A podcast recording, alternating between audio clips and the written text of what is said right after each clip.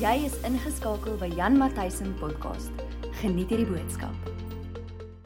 As jy ons dienste gevolg het vir die laaste tydperk, dan sou jy gesien het dat ons ons in 'n rigting in beweeg waar ons 'n bietjie wil gesels oor koninkryk. Ons wil gesels oor die koninkryk van God. Een ding wat ek agterkom is dat die kinders van die Here eintlik baie naïef is by wanneer dit kom by die koninkryk van die Here en dat hulle die goedjies nie verstaan nie. So dis belangrik vir ons om daaroor te kan gesels en ek voel hoe die Heilige Gees dit op my hart druk om om ook daaroor te te kan gesels. Maar terwyl ek dit voel, hoor ek hoe sê die Here vir my dat dit so belangrik is vir ons in hierdie tyd om eers te fokus op die koning van die koninkryk voordat 'n mens gesels oor die koninkryk. Jy weet baie mense soek die koninkryk, maar min mense soek die koning. Baie mense soek die koninkryk en al hierdie dinge wat bygevoeg sal word soos wat Matteus 6 vers 33 praat, maar min mense wil tyd met die koning spandeer. Min mense is agter sy hart aan en um, ek het oor die laaste 3, 4 weke wanneer ons gesels hier oor het ek die volgende stelling gemaak. Dis onmoontlik vir jou om die koning te kry en die koninkryk te mis.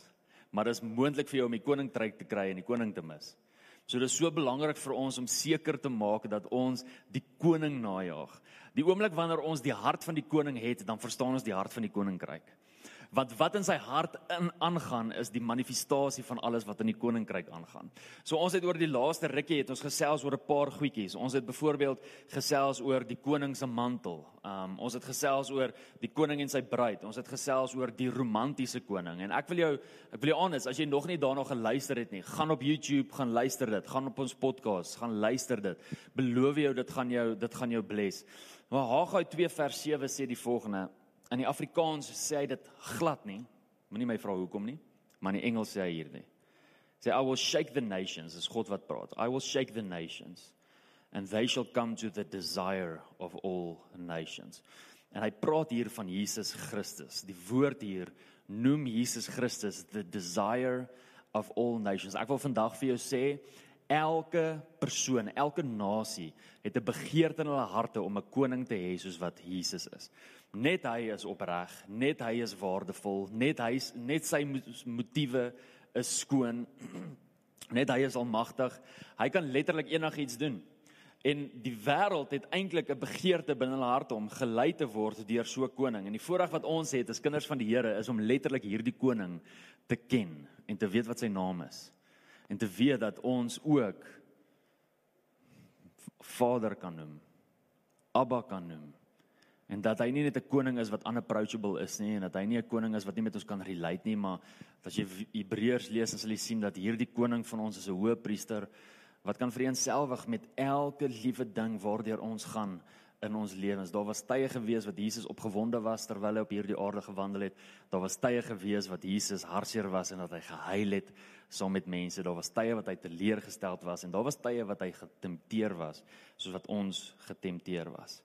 Maar ek is Ek is regtig um ek weet dat elke een van julle wat hierso is al hierdie skrifvers gehoor het wat ek nou gaan lees en ek wil jou vra asseblief maak notas um van die wat ons doen. Daar's 'n paar skrifversies wat ek vandag wil wil oor gesels. Ek wil vandag gesels oor die oorwinnende koning. So ons gaan so 'n bietjie kyk aan aan die oorwinnende kant. Baie baie of min um ken Jesus as die romantiese koning. Ek wil vandag vir jou sê hy's nie net romanties nie. Hy's ook 'n vegter. Hy's ook 'n warrior. Inteendeel staan dit so ook in Exodus 15. Our God is a warrior. So dit is so belangrik om dit ook te weet en daai deel van sy karakter ook te kan sien. Maar Efesiërs 6 vers 10 tot 12 sê die volgende. Ek wil dit gou vir jou lees uit die 53 vertaling. Daar staan eindelik my broeders word kragtig in die Here en in die krag van sy sterkte. So Paulus skryf hier vir die gemeente van Efese en hy herinner hulle om hulle self te versterk in die sterkte van die Here. Hoekom is dit belangrik?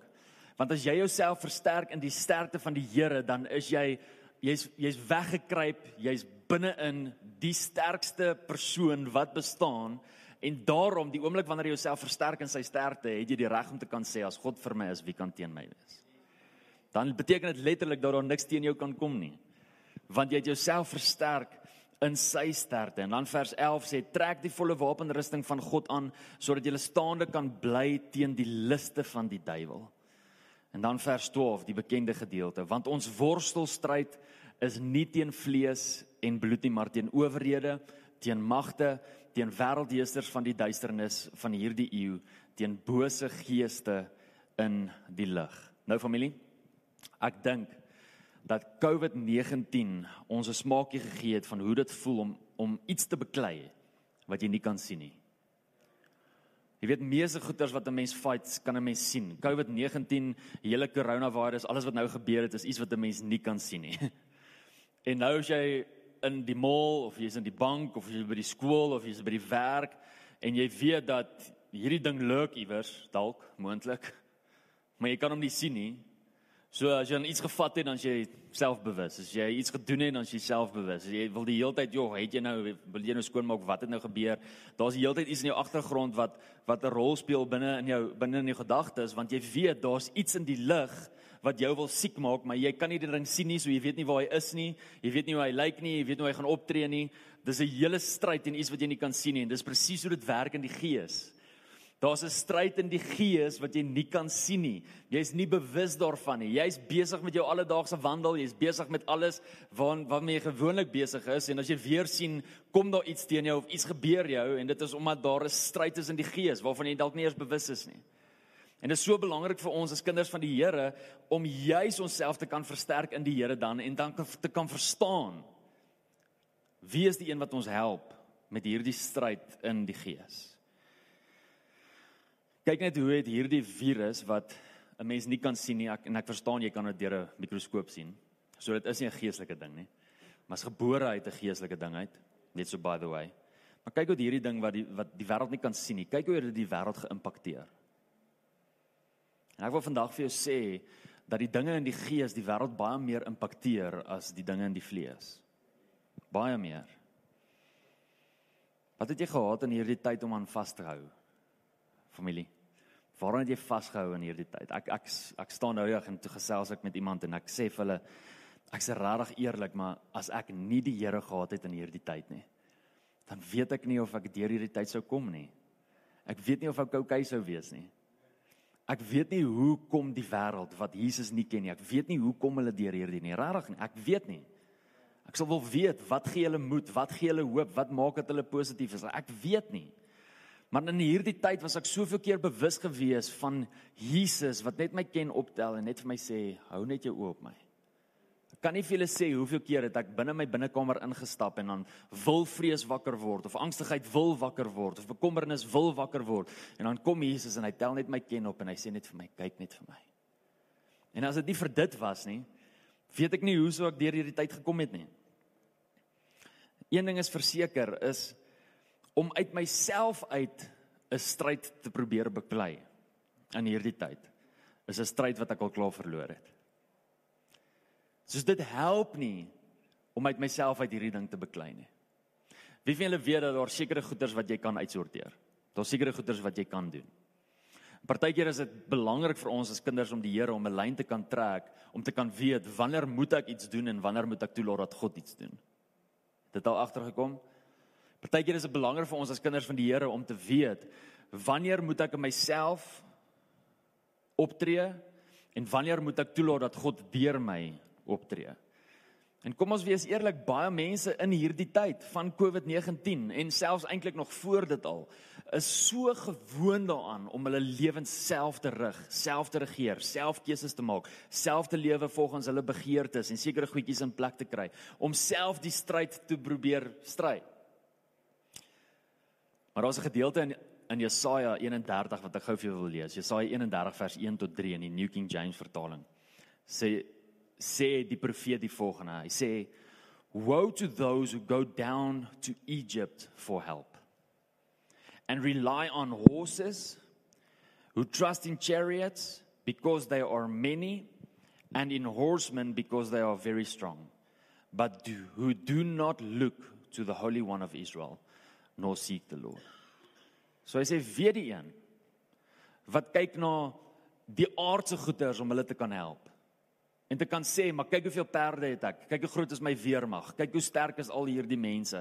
En dit is hoekom ek confidence kan hê. Sê weer die een wat daai hulle confidence maak en nie gaan kyk na die Here nie en nie draai na die Here toe nie. Vers 2 sê, "Yet he also is wise and will bring disaster and will not call back his words, but will arise against the house of evildoers and against the help of those who work iniquity."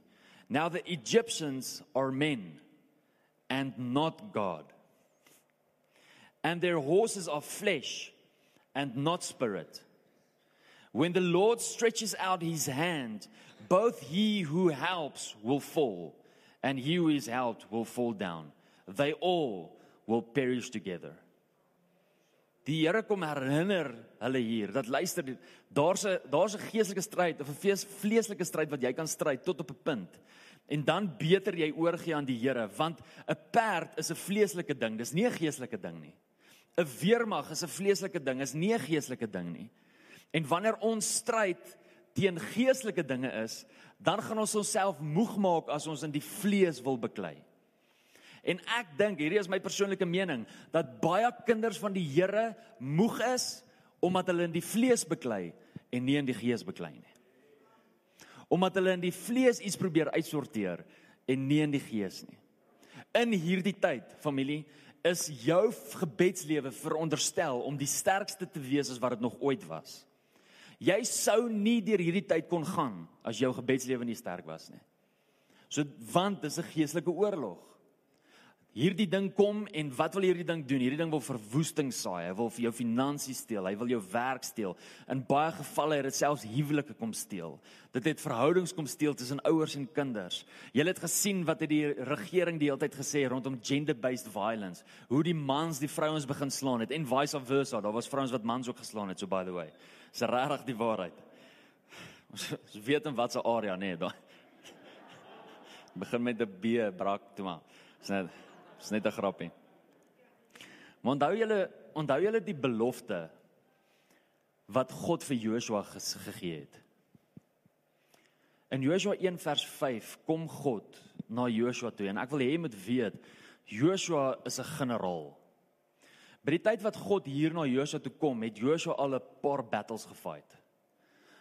Een van die battles wat hy gefight het, was daai groot battle teen die Amalekiete waar Moses op die berg was en terwyl Moses se hande op is, dan wen Joshua en sy hande sak en verloor Joshua. Maar daai was 'n groot oorlog geweest. Later in Joshua sien jy dat Joshua se geloof op so 'n plek was waar hulle weer beklei teen 'n nasie en waar Joshua se geloof maak dat die son letterlik stil staan sodat hulle die geveg kan stry. Maar in Joshua 1 vers 5 kom God na Joshua toe en hy gee vir hom hierdie belofte. Hoor wat sê hy? Hy sê niemand sal voor jou stand hou al die dae van jou lewe nie. Wow, wat 'n belofte. Met ander woorde, enigiemand wat teen jou opkom, sal nie oorwin nie, sal jou nie kan onderkry nie, sal niks teen jou kan doen nie. Niemand sal teen jou stand hou al die dae van jou lewe nie. Soos ek met Moses gewees het, sal ek met jou wees. Ek sal jou nie begewe en ek sal jou nie verlaat nie. Dit is die woord wat God hier vir Joshua sê. Nou kind van die Here, dink aan dink aan die vrymoedigheid wat Joshua gehad het terwyl hy in die beloofde land intree. Wie van julle weet hier dat hulle net voor die beloofde land is en dat hulle twee of drie hoofstukke later eers deur die Jordaanrivier gaan en in die beloofde land ingaan. Maar terwyl hy in die beloofde land ingaan, het hy ingegaan en gereageer op die feit dat hy 'n woord van God af het. Dink aan die confidence wat hy moes gehad het as God vir hom sê niemand sal teen jou kan standhou nie. En hy weet dat in die beloofde land in Kanaan is daar groot stede. Ek meen julle het self onthou julle toe die verspieders uitgestuur is en hulle terugkom en 10 van hulle praat van hoe groot die reuse is en dat die seuns van Anak daar is en hoe hulle eintlik springkane is in die oë van die reuse. So hier's Joshua. Hy weet hy gaan nou binne in die beloofde land ingaan. Hy weet daar's reëse, hy weet daar's groot stede, hy weet daar's klomp ouens wat hy gaan moet oorwin, maar God kom na hom toe en God sê vir hom niemand sal teen jou kan staan nie. Al die dae van jou lewe nie, niemand nie. Dink aan die confidence wat hy het. Ek wil vandag vir jou sê partykeer partykeer word ons overconfident as kinders van die Here. En dan rely ons nie meer op hom nie ons probeer dit ding self doen. Want God het ons nou gesê, Alles gaan oukei okay wees. God het mos nou gesê, niemand sal voor my kan staan nie. Ek dink aan die keer toe toe hulle loop en die Jerigo mure al begin sien. Kilometers voordat hulle by Jerigo is, begin hulle hierdie mure sien want hierdie mure was hoog. En ek dink aan die confidence wat Joshua gehad het en ek dink aan die feit dat Joshua terwyl hy daai mure sien, dalk selfs hierdie skrifgedeelte, hierdie gedeelte wat God vir hom gegee het, memoriseer. Here, dankie. Ek sien daai mure, maar U het gesê niks sal voor my kan standhou nie. Wanneer jy as jy later lees in vers 8, in Joshua 1 vers 8 vers 9, het God vir Joshua gesê, moenie dat die woord van die moenie laat die woord uit die, uit jou mond uit weggaan nie. Dit moet die hele tyd op jou lippe wees. Skryf dit op jou op jou hoof, skryf dit op jou arms, dra dit by jou. So ek sien hoe Joshua instap kilometers nog van Jerigo af, sien hy die mure en ek sien hoe hierdie woord en hierdie belofte op sy lippe is. Maar partykeer is dit maklik om so konfident te word in wie jy is in die Here dat jy vergeet dat jy net daai persoon is as gevolg van hom. Nie as gevolg van hoe oulik jy is nie. Jy's net daai persoon as gevolg van die woord wat hy gespreek het. Jy's net daai persoon as gevolg van hom. Dit is hoekom jy is. Hoogmoed kan vinnig ingryp. En as Joshua dalk hoogmoedig was of op 'n hoogmoedige plek was, het die volgende encounter hom net weer kom herinner wie eintlik die stryd vir hom stry. In Joshua 5 lees ons die gedeelte waar hulle by Jerigo is. En net voordat hy na Jerigo toe gaan, het hy 'n encounter. Ek wil dit gou gou vir jou lees. Joshua 5 vers 13 tot 15 in die New King James vertaling. Daar staan And it came to pass when Joshua was by by Jericho that he lifted his eyes and looked and behold a man stood opposite him with his sword drawn in his hand. And Joshua went to him and said to him, Are you for us or are you for our adversaries? So aan wiese kant is hy? Dink hy genip. And so he Jesus said, "No, but as the commander of the armies of the Lord, I have now come." And Joshua fell on his face to the earth and worshiped and said to him, What does my Lord say to his servant? And then the commander of the Lord's army said to Joshua, Take your sandal off your feet, for the place where you are standing is holy. And Joshua did so. En dan is dit weg en dan lees jy van hoe hulle moes optree en al die Weet julle wat is vir my so belangrik? In die tyd het Joshua hierdie amazing encounter van the commander of the Lord's armies wat daar staan met 'n swaard wat klaar uit is. En hy vra vir Joshua vra vir hom, "Wat sê u vir my? Wat moet ek doen?" En die respons wat hierdie commander of the Lord's armies vir hom gee is, "Trek uit jou sandale, want hierdie is heilige grond." Wat is die respons hier? Die respons is aanbid my. Dis die respons. Dit is aanbid my.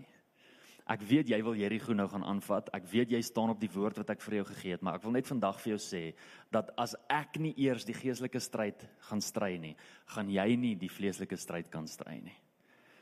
En as gevolg van die encounter wat Joshua hier het, besef hy weer by homself wie die een is wat in die gees vir hom beklei. Wie die een is wat in die gees namens hom optree. Familie, jy kan nie vergeet dat daar 'n koning is met die naam van Jesus Christus wat geestelik die stryd vir jou stry nie. En as hy nie die stryd stry nie, kan jy ook maar vergeet om enigiets uit jouself uit te probeer doen. Kom dink jy het daai mure geval toe hulle sewe keer omgeloop het en geskree het, het die mure geval. Kom dink jy het dit gebeur? Omdat hulle so amazing was, omdat hulle stemme so awesome was dat dit net geval het want dit was so hard. Ja. Daar het iets in die gees gebeur wat gemaak het dat die mure geval het. As daar nie 'n geestelike stryd was nie, dan kon hulle besig gewees het tot nou toe en daai mure sou nog steeds gestaan het. Wil jy moet weet dat ons koning nie net 'n romantiese koning is nie, maar dat ons koning 'n vegter is. Weet jy dat niemand voor jou koning kan standhou nie? Daar's niemand wat voor jou koning kan standhou nie. Familie, nie die mees invloedrykste persoon in hierdie wêreld nie. Nie jy nie. Nie die anti-kris wat gaan kom nie. Nie Satan nie. Geen bose mag, geen ding van die duisternis, niks kan voor ons koning standhou nie. Luister gou na hierdie gedeelte in Openbaring 19 vers 11 tot 16. Dis dis so belangrik vir jou om hierdie gedeelte te hoor en te begryp. Ons het dit al so baie gelees. Maar hier is vir jou 'n herinnering van wie ons koning is. Hy's 'n oorwinnende koning. Hy's 'n koning wat wen. OK? Openbaring 19 vers 11 tot 16. Ek lees weer in die New King James. He said now I saw heaven opened and behold a white horse. And he who sat on him was called faithful and true. And in righteousness he judges and makes war. His eyes were like a flame of fire and on his head were many crowns. And he had a name written that no one except himself knew. He was clothed, clothed with a robe dipped in blood, and his name is called the Word of God. And the armies in heaven, clothed in fine linen, white and clean, followed him on white horses. Now, out of his mouth goes a sharp sword, that with it he should strike the nations. And he himself will rule them with a rod of iron. And he himself treads the, vine, the winepress of the fierceness and wrath of Almighty God. And he has on his robe and on his thigh a name written King of Kings and Lord of Lords. Nou familie ek wil hê met die volgende weet dat dit wat ons nou hier gelees het is nie 'n opgemaakte storie nie. Hierdie is 'n letterlike koning.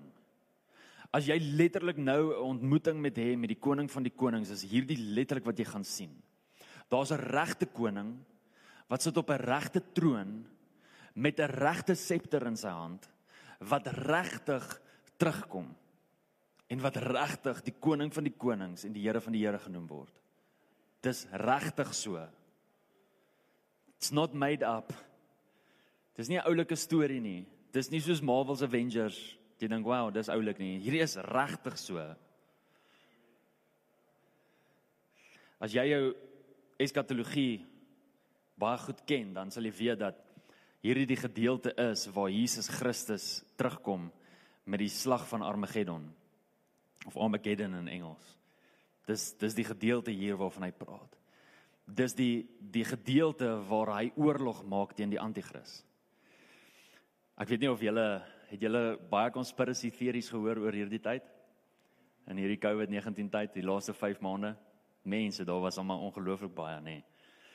Daar ek het conspiracy theories gehoor van Bill Gates wat die anti-kris is en um ander ouens wat hulle ook noem die anti-kris is die merk van die dier wat hulle nou gaan inplant en in uh die vaksines wat hulle nou gaan inspuit vir die mense en al die goedjies en en weet julle wat is vir my weet julle wat is vir my so interessant wat vir my so interessant is is hoeveel gelowiges hardloop met van hierdie conspiracy theories omdat hulle nie die woord van God ken nie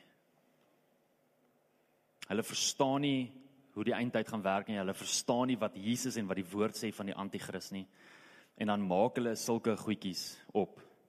En dan is daar mense wat vrees. Ek het boodskappe gekry van mense wat hulle self intercessors noem. Ek praat van so Suid-Afrika intercessors wat hulle self noem die intercessors van Suid-Afrika. Wat sê ons moet bid teen die anti-kris. Dan lag ek vir hulle. Dis hoe wil jy moet ek bid teen die anti-kris? Jesus het dit geprofeteer. Hy het geprofeteer dat die anti-kris daar gaan wees. Soos jou gebede gaan nie dit stop nie. Dis deel van profesie. Dis deel van sy woord. Die anti-kris gaan kom. Wil jy jy moet dit weet. Die anti-kris gaan kom en dit wat jy bid gaan nie maak dat hy nie kom nie. Dis deel van God se woord. Jy kan nie in opstand kom teenoor sy plan nie. Die anti-kris gaan kom en die anti-kris moet kom. En baie mense is ongelooflik bang vir die anti-kris want as jy as jy die eskatologie ken dan sal jy weet dat die anti-kris gaan heers tydens die 7 jaar van groot verdrukking en in daai tyd sê die woord dat Jesus net betyds gaan terugkom net voordat die mense in verderf ingaan lê. So dit gaan 'n tawwe tyd wees. Gaan baie erg wees. Maar ek wil vir jou vandag herinner aan die feit dat Jesus die een is wat hom gaan oorwin. En dat 'n mens is nou bang vir die anti-kris, maar jy's net bang vir die anti-kris as jy bang is vir die dood. Jy's net bang vir COVID-19 as jy bang is vir die dood. waar Paulus gekom het en gesê het vir my is om te lewe Christus en te sterwe 'n wins. So as ek lewe dan lewe ek voluit vir Jesus en as ek sterwe dan is dit vir my 'n wins want dan is ek by Jesus. So wat kan COVID-19 aan jou doen? So wat kan enige siekte aan jou doen? So wat kan die dood aan jou doen? Niks, dis 'n wins. So hou op vrees. Maar ek wil Kom ek gee jou 'n paar feite van die anti-kris. En die rede hoekom ek vir jou hierdie feite gee is in die eerste plek net om jou in kennis te stel van hoe goedjies gaan lyk. En in die tweede plek gee ek jou juis hierdie feite om vir jou te wys wie ons koning is. OK? Eerstens, dis my opinie dat die anti-kris 'n Jood gaan wees. As jy die woord van die Here gaan verstaan, dan sal jy dit ook sien. Daar's daar's daar's 'n paar redes. Eerstens, Jesus het gekom en Jesus het gesê in in Johannes 5, sê hy dat julle my verwerp, maar daar kom iemand wat julle nie gaan verwerp nie. So Jesus het geprofeteer dat daar iemand gaan opkom waarvan die Jode gaan hou en wat hulle gaan wil aanvaar as koning. Die Jode het gedink Jesus gaan letterlik kom om 'n fisiese koninkryk te herstel en fisies te heers oor sy oor oor die wêreld. En dis presies wat die anti-kris gaan doen.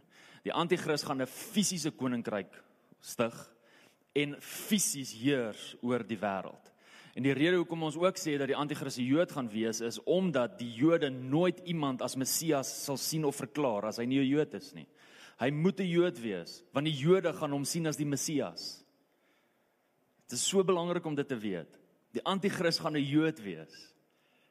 Die woord van die Here sê dat die anti-kris in die tempel van God gaan sit en dat hy homself God gaan noem.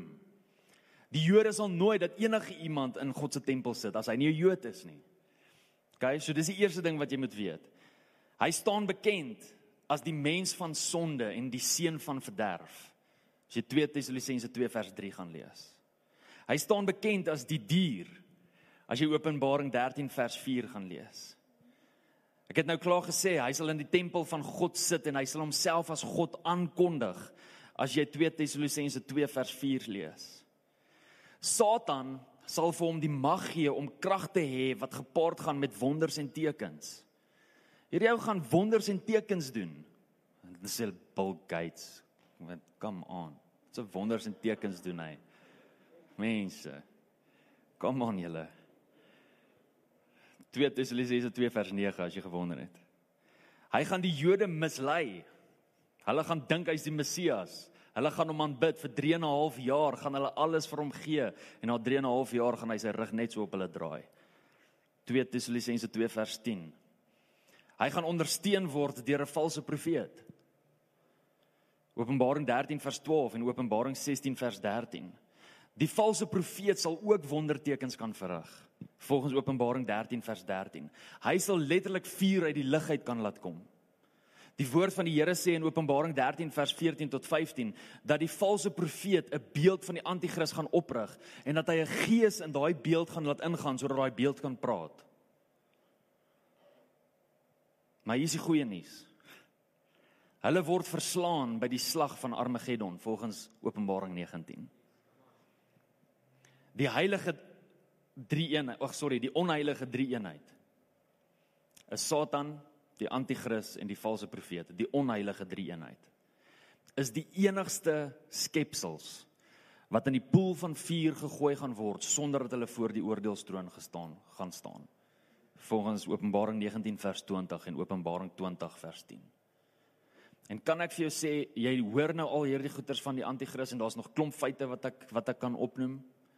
Maar kan ek net vir jou sê hoe word die anti-kris oorwin? 2 Tessalonisense 2 vers 8 sê die volgende.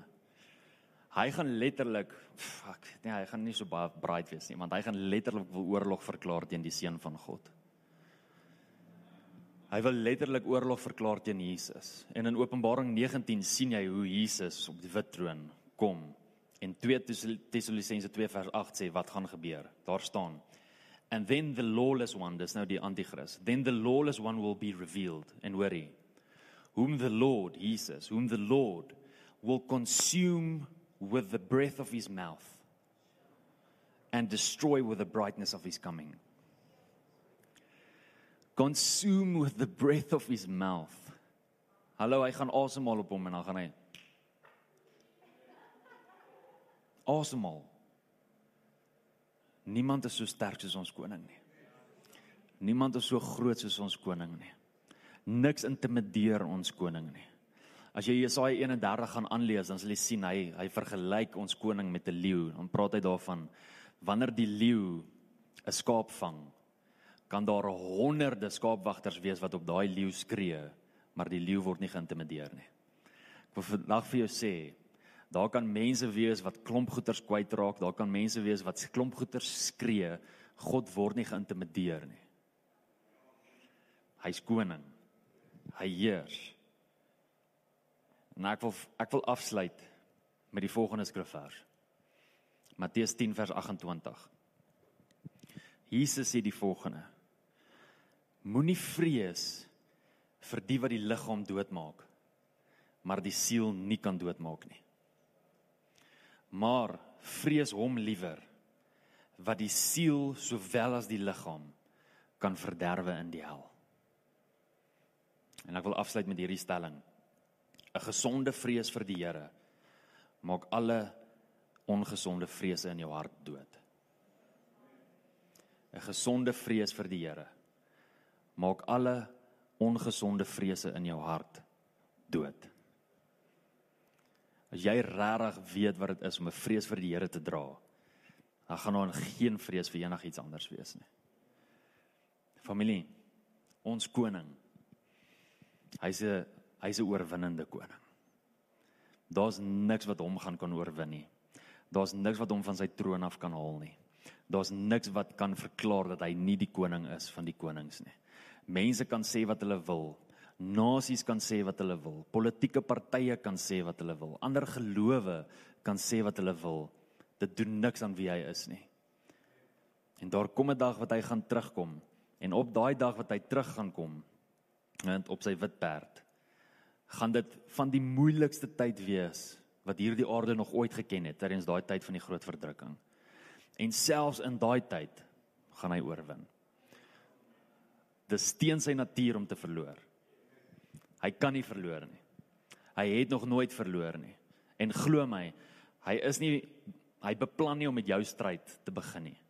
Jou stryd is nie die eerste fight wat hy gaan verloor nie. Dit is onmoontlik vir hom om te verloor. So skep moed in wie ons koning is. Skep moed in wie die woord van die Here sê hy is en weet weet Hy oorwin as God vir jou is, wie kan dan teen jou wees? Vader, u woord is waar, u woord is kragtig. Ons eer u vir u woord. En Here, dankie dat ons onsself vandag kan bemoedig, kan herinner aan dit wat u woord sê. En ek weet, Here, dat daar soveel gelowiges in hierdie tyd wat vol vrees is en vol van soveel onsekerheid is as gevolg van klomp goeters wat gebeur, as gevolg van klomp goeters wat gesê is en baie mense wat konspirasie teorieë wakker maak en vir party mense maak hierdie goed sin en dan is daar onnodige vrese in ons harte. Maar Here, dankie dat u woord waar is. U woord is nie 'n konspirasie teorie nie. U woord is die waarheid. En ons weet dat daar niks kan standhou voor ons koning nie. Here, u is die God van die onmoontlike. Die Bybel is 'n verklaring vir ons daarvan. Elke keer wanneer ons hierdie woord oopmaak, dan sien ons u karakter, ons sien wat u kan doen, reg van die begin af in Genesis toe u geskaap het tot en met die einde van Openbaring 21. Alles wys vir ons die feit dat u 'n God is wat oorwin. Dat u 'n God is van die onmoontlike. Dat u 'n God is van die bonatuurlike. En vandag wil ons as gelowiges onsself daaraan herinner voordat ons begin gesels oor die koninkryk om te weet dat ons koning 'n oorwinnende koning is. Ons herinner onsself aan die mantel. Here al daai oorwinnings wat U aan die mantel het. Soos wat U elke keer oorwin. As iets teen U opstaan, oorwin U. Daar is nie 'n gelyke aan U nie, Here. Daar's niemand wat gelyk teen U kan kom, gelyk teen U kan staan. Daar's niemand wat die balans sal kan regkry sodat ons kan sê, "Ag, ons weet nie wie om te kies nie." Here, U wen elke keer loshande. Dis hoe groot U is. Dis hoe kragtig U is. That is your majesty. That is the majesty of our king. En ons eer U daarvoor. Vader, ek bid vandag vir elke persoon in die plek en elke persoon wat hierna luister dat hulle moed sal skep dat hulle nie sal opgee nie. En Here, dat hulle hulle selfs herinner sal herinner aan wie hulle koning is in die naam van Jesus. Amen. Dankie dat jy saam met ons geluister het. Onthou om te subscribe op hierdie podcast. Volg ook vir Jan op Facebook en YouTube. Tot 'n volgende keer. Die Here seën jou.